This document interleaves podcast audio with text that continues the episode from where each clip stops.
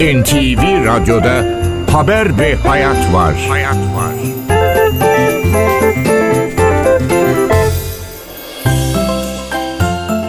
...2023 biterken tiyatro alanında en iyi oyunlar hangileriydi? Bu oyunları öne çıkaran unsurlar nelerdi ve sahnede en iyi performansı kimler sergiledi? Afife Tiyatro Ödülleri Jüri Başkanı Profesör Doktor Melih Tangün'e sorduk. Geçtiğimiz sezonda gerçekten çok özel bir sezon oldu. Yani 2022-2023 sezonu tamamlandı. Şimdi artık bu sene için yenisine bakacağız. Çok ilginç sayılar var. Biliyor muydunuz bilmiyorum. Sadece İstanbul'da 230 tane yeni oyun vardı. Düşünün diğer sezonlardan kalan oyunları da onun için sezon muhteşemdi anlayacağınız. Ve biz de bir Afife olarak çok titiz çalışmalar yapıp bunları kontrol etmeye, izlemeye ve değerlendirmeye gayret ediyoruz. Şimdi hem o taraftan konuşayım hem Merih Tangün adına konuşayım. Valla bu sene benim için bu özel senede en güzel olan şey bir defa yerli oyunların da daha fazla sayıda olmasıydı. Yeni oyunlarla birlikte yerli oyun yazarlarımızın şahane işler yapmasıydı. Kadın yönetmenler biraz öndeydi, çok güzeldi. Ama bana hani oyun açısından soruyorsanız doğal olarak Afife'nin ödülünü alan 1984'ten söz etmem lazım. Nilüfer Belediyesi'ne ait bir oyun 1984. Ancak Murat Daltaban yani oyunun yönetmeni hepimizin Dot tiyatroyla çok iyi bildiği, onun öncesinde şehir tiyatrolarından çok tanıdığı bir isim. Dot kendisini yani kapamış gibi oldu İstanbul'da ama şükürler olsun ki Nilüfer'de devam ediyor yani Bursa'da. 1984 o açıdan çok enteresan da bir oyundu. Çok eski bilinen ama çok yepyeni bir teknolojiyle sahnelenmiş çarpıcı bir oyundu. Craft'ın Old Fools'u benim yine çok keyifle izlediğim favorilerimin arasında bir oyundu. Hem sahnelemesi, hem oyuncuları, hem oyunun dinamiği açısından çok etkilendim doğrusu. İstanbul Büyükşehir Belediyesi şehir tiyatroları geçtiğimiz sezonda şahane işler yaptılar.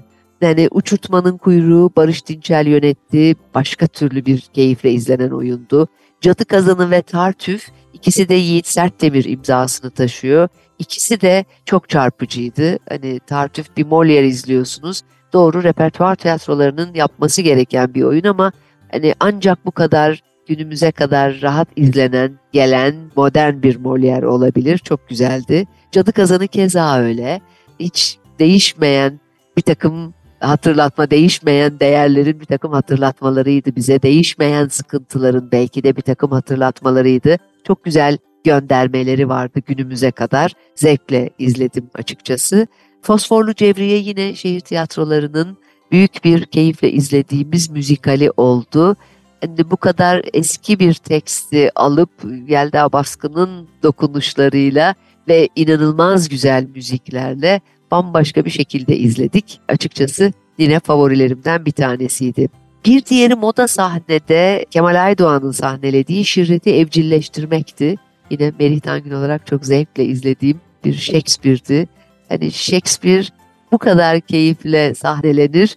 Ben hep ikide bir bu şahane, keyif falan deyip duruyorum ama hakikaten girdiğiniz zaman oyundan da zevk almak istiyorsunuz. Oyunu da anlamak istiyorsunuz vaktin nasıl geçtiğini de anlamadığınızı hissetmek inanılmaz bir tatmin duygusu veriyor insana. O açıdan çok iyiydi. Oyuncuları keza öyle, sahneleme şekli keza öyle. Modern ve seyirciyle iç içe güzel bir oyundu.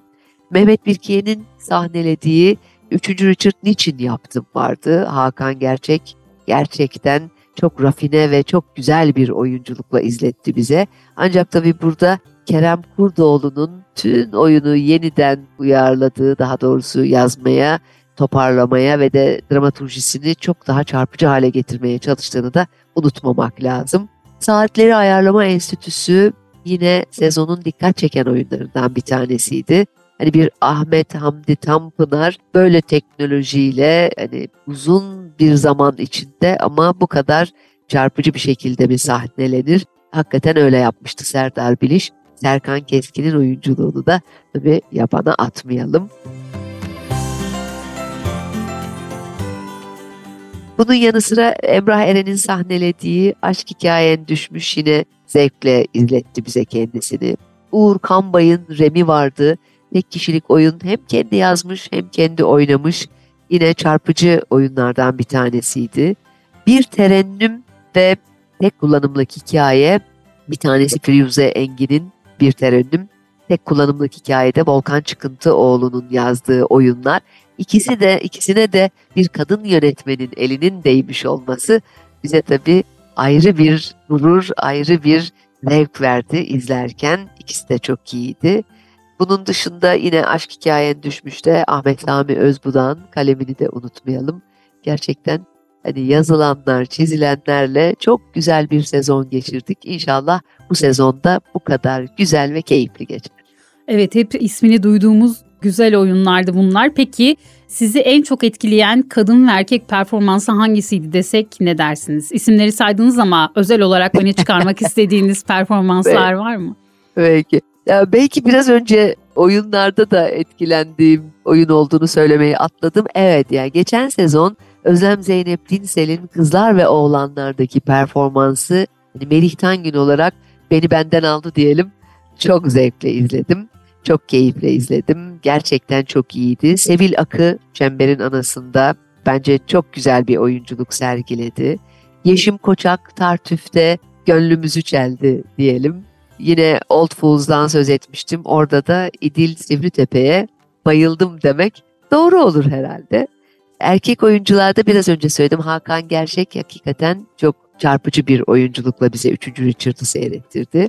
Yükselen yıldızlar vardı erkeklerde. Mesela Meriç Rakalar, mesela Gün Koper. Meriç Rakalar tek kullanımlık hikayeyle, Gün Koper uçurtmanın kuyruğuyla, Ali Yoğurtçuoğlu uçurtmanın kuyruğuyla, yine Uğur Kambay Rem'le, benim hani geçen sene zevkle izlediğim oyunculardı. Tabii şirreti evcilleştirmekteki Timur Acar'ı da erkek oyuncu olarak unutmamak lazım.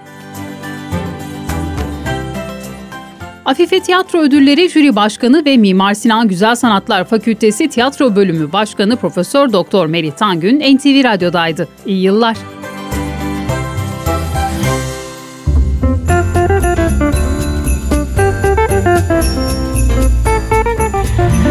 NTV Radyo'da Haber ve Hayat var. Hayat var.